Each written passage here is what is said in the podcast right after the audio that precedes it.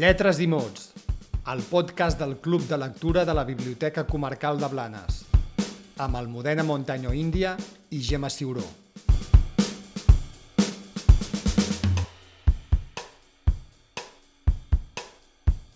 Avui el Club de Lectura Lletres i Mots és molt especial perquè tenim a la protagonista del llibre que parlarem, que és la Carlota Gurb, i parlarem del llibre Sola. Què tal, Carlota, com estàs? Malalta, refredada, cansada... Però amb, ganes de comentar el teu llibre. Home, això sí, això sí, els clubs de lectura són superagraïts. No? A més, jo sempre penso que quan llegeixes un llibre tens tant dubtes per què l'autor haurà escrit això i que tinguin a davant és super emocionant, no? Sí, perquè més Sola és un llibre que és molt de club de lectura perquè com que amb algunes coses és una mica ambigu, és allò, no, però tu què has entès? Perquè no, diguéssim, és com si fos quasi un llibre de misteri, llavors és com eh, que, que és molt, va molt bé pels clubs de lectura perquè sempre surten moltes coses i és molt, molt enriquidor. Perquè precisament aquest llibre Sola parla de la solitud, però no ben bé de la solitud, sinó com et transforma, no?, aquesta solitud. Sí, la idea és una mica que quan estàs sola et converteixes en una altra persona, no? Perquè quan estàs en societat i et passen coses o et quedes encallat en pensaments, sempre hi ha algú que et diu, eps, que, no, atura't. Però quan tu estàs sol, et fiques dins dels teus bucles i llavors mm, t'acaba transformant, igual que les companyies et converteixen en una altra persona, la solitud també, no?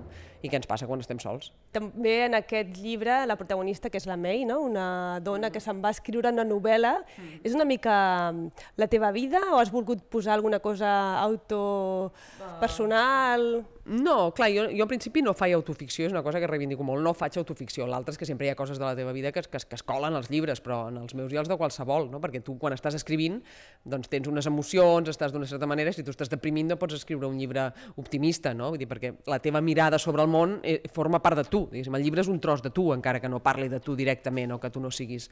Per tant, hi ha coses de mi, sí, però també hi ha coses d'altra gent que conec, hi ha coses inventades, no? Un, un llibre és una mena de Frankenstein, es fa de trossets i alguns trossets són de la vida real, no? Molt bé, doncs ara entrarem al club de lectura. Què et penses que et preguntaran o què, ah. de, de què parlar? Què, què dirà la gent? Què diran? Diran que, el, que la, la, la llengua els ha agradat, que el, al final alguns els ha agradat molt i als altres no els hi haurà agradat gens, eh, perquè és un, com una mica sobtat i una mica, no? A vegades la gent diu que al final els deixes tabornits. Em faran preguntes sobre la trama, no? Però amb això ben bé què passa? Això no ho, he, que no, no ho sé segur si ho he entès bé, no? Perquè hi ha com una idea de que la gent no està segura de que ho hagi entès bé, però després preguntes i tothom ha entès el mateix. Per tant, hi ha una ambigüitat que en realitat no està l'ambigüitat i això sempre acaba sortint. I segurament parlarem de la llengua, que és una cosa que m'interessa molt, les paraules, no? La, la, el com està escrit, no? Perquè al final els llibres estan fets de paraules i les paraules són molt importants. Clar, perquè tu ets escriptora però també ets traductora. Mm. Jugues molt amb les lletres, estàs tot el dia pensant en les paraules, traduint. Eh, això de fer, ser traductora és una feina també que t'ha fet eh, estimar les lletres? Sí, jo sempre dic que si no hagués sigut traductora no seria escriptora, perquè d'alguna manera mmm, jo tenia una relació amb l'escriptura molt llunyana o amb la llengua, i va ser arran d'anar traduint que et poses a treballar amb la matèria primera, no? És com, i, i llavors veus que, que tens com una necessitat, et tornes com addicte a les paraules, no? Vull dir que és gràcies a traduir que he arribat a escriure. Mm. Perfecte, doncs entrem al club de lectura a veure què diuen. Aviam què, aviam què, a veure si algú me'l destrossa, això no ho fan mai, sempre els dic, si teniu coses dolentes digueu-m'ho, perquè és molt útil, si he fet una cosa malament i ningú me la diu, la tornaré a fer. Per tant, sempre aprecio que algú em critiqui. Sí. Doncs vinga, entrem a veure què passa. Gràcies. Lletres i mots, on compartim el plaer per la lectura. Aquestes eren les paraules de Carlota Gurt abans d'entrar al Club de Lectura dijous de Lletres i Mots. I què va passar a la tertúlia? Doncs ara ho comentarem amb la seva directora, la Gemma Ciuró. Bona tarda, Gemma. Hola, bona tarda, Almudena. Què et va semblar la intervenció de la Carlota Gurt? Doncs em va semblar una intervenció brutal, com és ella. O sigui, va ser una...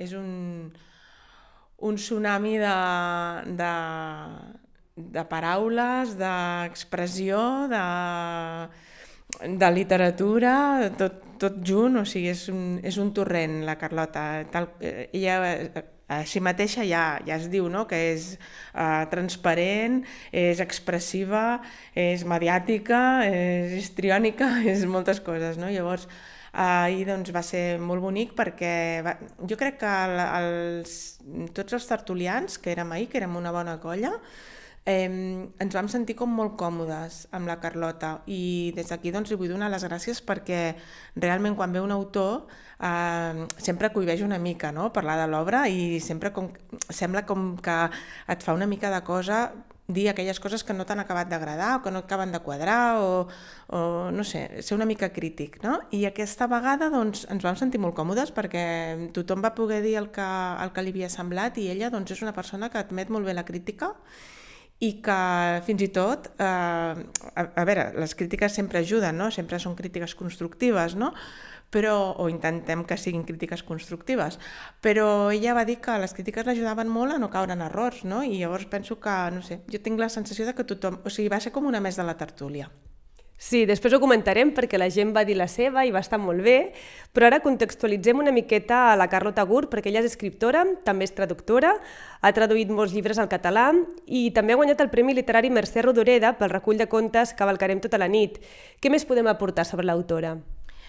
Home, mm, sobretot això, el, el domini que té de la llengua és, és impressionant. Ella ahir deia que feia molt de riure perquè deia que les metàfores la persegueixen, que ella no va buscar metàfores, sinó que va pel carrer i la, les metàfores la persegueixen.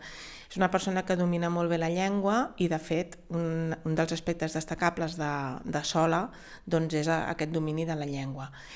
Jo de la Carlota destacaria això, no? que ha fet eh, el primer recull de, de contes que, que va fer, el Cavalcarem tota la nit, doncs eh, ja és una mica així, com és ella, no? Eh, és com aquesta explosió de paraules en cadascun dels contes, amb el que va guanyar el Premi Mercè Rodoreda, i després doncs, li van preguntar que, bueno, com, com es decidia a escriure una novel·la i ella ens va comentar que ella es va posar a escriure una novel·la perquè per ella era com un repte el fet de no sentir-se capaç d'escriure una novel·la. Llavors, això va ser el, que, el detonant que la va fer doncs, llançar-se en aquesta aventura d'escriure. I certament doncs, també li van preguntar que si s'esperava l'èxit de sola i va dir que, que estava una mica aclaparada no? per l'èxit que havia tingut i, i realment doncs, és un llibre que eh, s'ha venut molt i que les biblioteques doncs, no para de deixar-se i ella doncs, se n'està fent un tip no? d'anar a clubs de lectura que pel que va dir sembla que, que li agrada molt.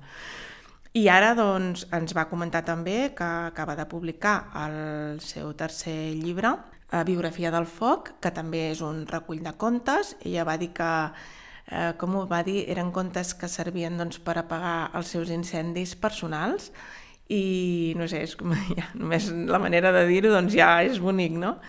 I, i bé, doncs, aportaria això no, d'ella. Uh, no sé, penso que, que té molta trajectòria encara, vull dir que és just com aquell que diu acaba de començar, que es nota moltíssim que té el bagatge de la traducció. De fet, la tertúlia del mes passat vam llegir Animal Trist de la Mònica Maron, que és un gran llibre eh, d'una autora mm, reconeguda i ella el considera com un, la millor obra que ha traduït i, i realment doncs, jo penso que eh, la traducció doncs, t'aporta això, tal com diu ella, no? a, aquest domini de, de l'èxit de les paraules i si sobre tens imaginació per fer un bon argument, doncs perfecte. Doncs parlem de l'obra que es va tractar a la tertúlia, que és Sola. El fil argumental és com la solitud et pot transformar fins al punt d'embogir. Sí, a ella, de, de fet, hi han dos grans temes que van molt lligats, van molt de la mà, que un seria la solitud i l'altre seria la bogeria.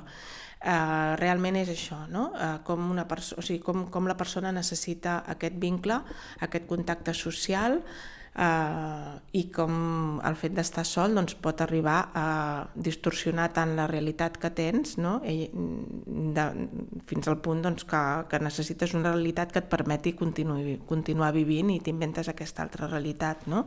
que seria la bogeria. Uh, de fet, ella, uh, la Carlota ahir ens comentava que ella quan es va posar a escriure sola volia escriure sobre eh, una mica mm, agafant el fil conductor de solitud de la Víctor Català. I llavors eh, una, una de les mm, de les joies literàries que guarda aquest, aquest, que, que té, no? que té eh, guardada aquesta novel·la, per mi és aquest, aquests eh, quatre estrats que ella va, va explicar molt bé ahir, que era l'obra de, justament, la pròpia obra de solitud de la Víctor Català, la Carlota Gurt escrivint sobre solitud, fent servir una escriptora que alhora escriu una novel·la sobre la solitud. No? Llavors, Bé, eh, són com quatre estrats, és una idea doncs, que, bé, no, a veure, sí que s'han vist altres eh, obres que tracten d'escriptores i del seu procés creatiu, vull dir que això no, no seria nou, no? però sí que és original en aquest sentit, no? d'agafar una autora com és Víctor Català i a partir d'aquí doncs, el fil conductor. Molt bé, doncs la protagonista, la May, és una dona que s'aïlla en una masia, com dius tu, per escriure la novel·la. Li veus algun paral·lelisme amb l'autora?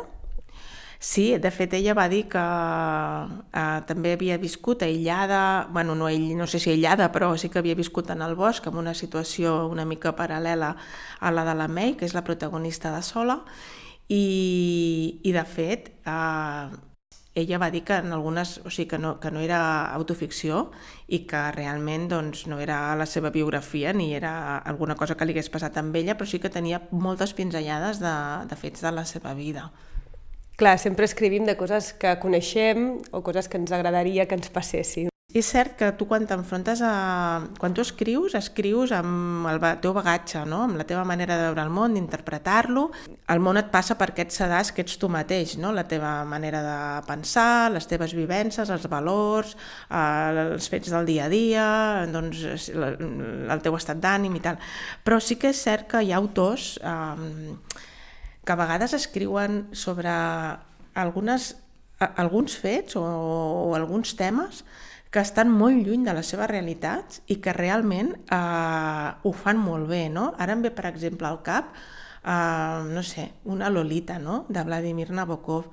Jo sempre dic que és un dels meus llibres preferits perquè és la manera d'escriure d'escriure millor una cosa, o sigui, la cosa més horrible del món, no? que és un abús sexual amb un infant, doncs la manera d'escriure-ho de la manera més ben escrita, no?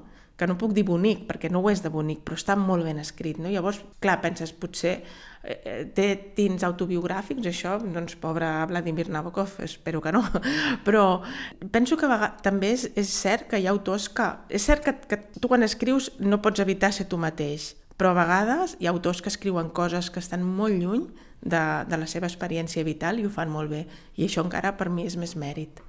Parlem també dels personatges del llibre. Què, què ens pot explicar la, la Carlota Gurt amb aquests personatges? Els personatges principals són la May, que és aquesta escriptora, que seria doncs, aquest alter ego no? de, la, de la Carlota, eh, i llavors hi ha els, el, seu, el seu marit, el seu company, la seva parella, no faré cap, no desvalaré res del que passa perquè seria doncs, molt lleig ara explicar aquí coses de l'argument perquè és un argument que de seguida et va sorprenent i no explicaré sorpreses perquè si no doncs, al final no tindria gràcia que la, la gent el llegís, no?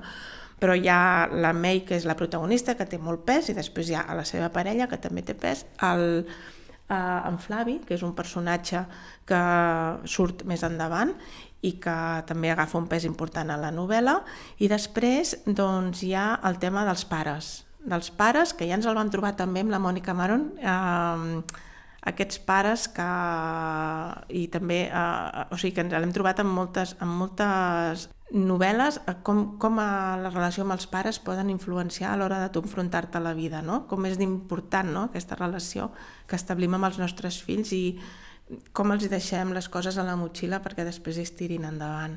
Què és el que més t'ha sobtat o que t'ha impressionat d'aquest llibre? A mi és un llibre que m'ha remogut, eh, potser no tant per, pel tema, que ja et dic que és un tema que no és la primera vegada que, que el veig i que una escriptora que escriu sobre una escriptora, doncs, doncs sí, és un, és un tema que ja, que ja s'ha vist, no? però potser per la forma, perquè és aquest torrent, no? Es dona la sensació de que estàs en una riuada de paraules i que et va portant, o sigui, que, que, que d'alguna manera t'empeny, t'empeny, t'empeny fins al final de la novel·la. Està molt ben escrit, eh, però jo sí que sóc partidària de que potser afluixaria una mica el, el nivell de llenguatge eh, potent, brusc, eh, gruller fins i tot a vegades. A, això eh, a mi m'ha arribat a, a molestar, a remoure. Llavors, eh, no sé, potser és una, una de les coses que jo possiblement canviaria, no? però que pot, a lo millor ho canviaria, llavors el llibre perdria potència, eh? no ho sé. Bé, com que la Carlota Gurt va demanar als assistents del Club de Lectura que critiquessin la seva obra, doncs alguns es van atrevir. Eh, Gemma, què van criticar sobretot? Doncs van criticar això mateix que estic dient jo, eh? eh era no va haver-hi moltes crítiques, però sí que la gent es va trobar còmoda per, doncs, per dir això, no? que era un, un llenguatge potser una mica massa dur no? i que potser no cal per fer sentir... Jo suposo que també és un llenguatge que, que ella utilitza per fer sentir eh, aquesta emoció que té la May de ràbia. La ràbia també, o sigui, és un llibre de solitud, bogeria i crec que ràbia, hi podríem afegir. I la ràbia doncs, fa, ens fa dir a vegades coses maldites no? i paraulotes o eh, expressions no gaire adequades. I jo crec que possiblement és, és, és per això, no? perquè ella ho fa servir doncs, per expressar la ràbia de, de la May aquesta va ser una de les crítiques que potser dita d'aquesta manera o d'una altra doncs va ser una de les crítiques més recurrents de, de l'obra. Quan el contingut de la, de la novel·la la gent va estar, o sigui, bueno, els hi va agradar, els hi va agradar el tema, tothom pensa que, que la solitud és un tema important i que tots ens afecta i que a tothom li fa por, no? Una mica la, la solitud és aquella que s'està molt bé sol però només una estoneta, no? I era un tema doncs, que a la gent, a la gent li va agradar. Doncs abans de passar a la propera lectura, vols comentar alguna cosa més d'aquest llibre o de l'autora? Uh, a veure, jo només això, no donar-li les gràcies a la, a la Carlota per haver vingut, per haver fet que fos doncs, aquesta... També sabem que després hi havia els, el Premi Proa i que ella doncs, ho va, mm, bueno, va fer aquest sacrifici de poder venir al nostre club de lectura. Li estic profundament agraïda perquè canviar hores i dates és una mica difícil i sabent que tenia això del Premi Proa, doncs, eh, donar-li les gràcies una vegada més i, i ja està. Mm, no, no diria gaire res més, sinó que Ara tenim el Biografia del Foc, eh, està aquí a la biblioteca en préstec i que convido a tothom doncs, que, que el vingui a buscar perquè segurament a ningú deixarà... Eh, o sigui, és un llibre que remou, que no et deixa indiferent. Perfecte, doncs parlem de la propera lectura del Club de Lectura Dijous de Lletres a Mots. Quina serà la del mes de desembre? Doncs mira, aquest mes de desembre el dedicarem a llegir Els anys de la Nier No, que va ser la Premi Nobel de l'any passat, el Premi Nobel de, de Literatura. Uh, ja és la segona vegada que fem un, el Premi Nobel de l'any passat, el mes de desembre. Uh, I llavors, uh, bé, també és un llibre d'una dona, uh, en aquest cas és una dona de, del 1940, i també és la, o sigui, és el, la visió de, de la seva vida, o sigui, és com un repàs de la seva vida, els anys i amb moltes ganes de llegir-lo perquè al ser un Premi Nobel doncs, eh, sempre ens ve com, no sé, eh, per alguna cosa els hi donen, no? I, i també eh, estem en una ratxa de dones, si t'hi fixes, o sigui, fa un pilot, des de que vam llegir el de, el de Pedrolo, o sigui, ara portem tres seguits de, de dones i tres mm, dones potents, eh, que escriuen sobre, sobre la dona, o sigui que... A més, amb temes, això que dius tu, potents, no? Sí, que sí, sí, remouen per dins. Totalment, totalment, sí, perquè aquest jo crec que els anys també... Tinc, tinc moltes ganes, jo no l'he llegit, però tinc moltes ganes de, de començar-lo perquè em sembla que ha de ser també bastant potent, sí. Són llibres que et poden agradar o no, però no et deixen indiferent. Sí, sí, sí. sí. Aquest, de fet, a la, a la contraportada diu que està considerat un clàssic eh, contemporani de, de la seva publicació, o sigui que ha sigut un èxit de vendes a, allà a França i espero que, que a tothom li agradi. Bueno, I si no els agrada, almenys que dongui joc, eh? perquè al final els llibres, quan els portes al club de lectura, al, al principi pensava, ai, tant de bo agradi a tothom però després penso, no, tant de bo agradi el 50%, perquè llavors és quan hi ha més ambient no, en el club de lectura i surten opinions molt, molt interessants. Perfecte, doncs durant aquest mes podeu llegir aquest llibre als anys de l'Annie Arnaus i el dia 14, el desembre sí. serà el dia 14? Exacte, el mes de desembre, atenció, perquè no ens trobem el primer dijous de mes, perquè el primer dijous és dia 7 i el dia 7 la biblioteca estarà tancada, ens trobarem el dia 14. Llavors el dia 14 el que farem serà a presentar les lectures del proper any, de l'any 2024, i també la segona edició del podcast literari de Lletres i Mots. Perfecte, doncs ja sabeu, el 14 de desembre a la Biblioteca Comarcal de Blanes farem això, la presentació de les properes lectures de l'any 2024 i també donarem pas a la presentació de la segona temporada del podcast Lletres i Mots. Us esperem a tots a les 7 del vespre. I els que mm, no podeu venir, doncs ja sabeu, escoltareu el podcast Lletres i Mots a través de les principals plataformes de distribució. També el trobareu penjat al blog de la Biblioteca Comarcal. Doncs res més, us esperem la propera. Vinga, que vagi molt bé. Gràcies, Almudena. Adéu. Lletres i mots, el podcast del Club de Lectura de la Biblioteca Comarcal de Blanes, amb Almudena Montaño Índia i Gemma Ciuró.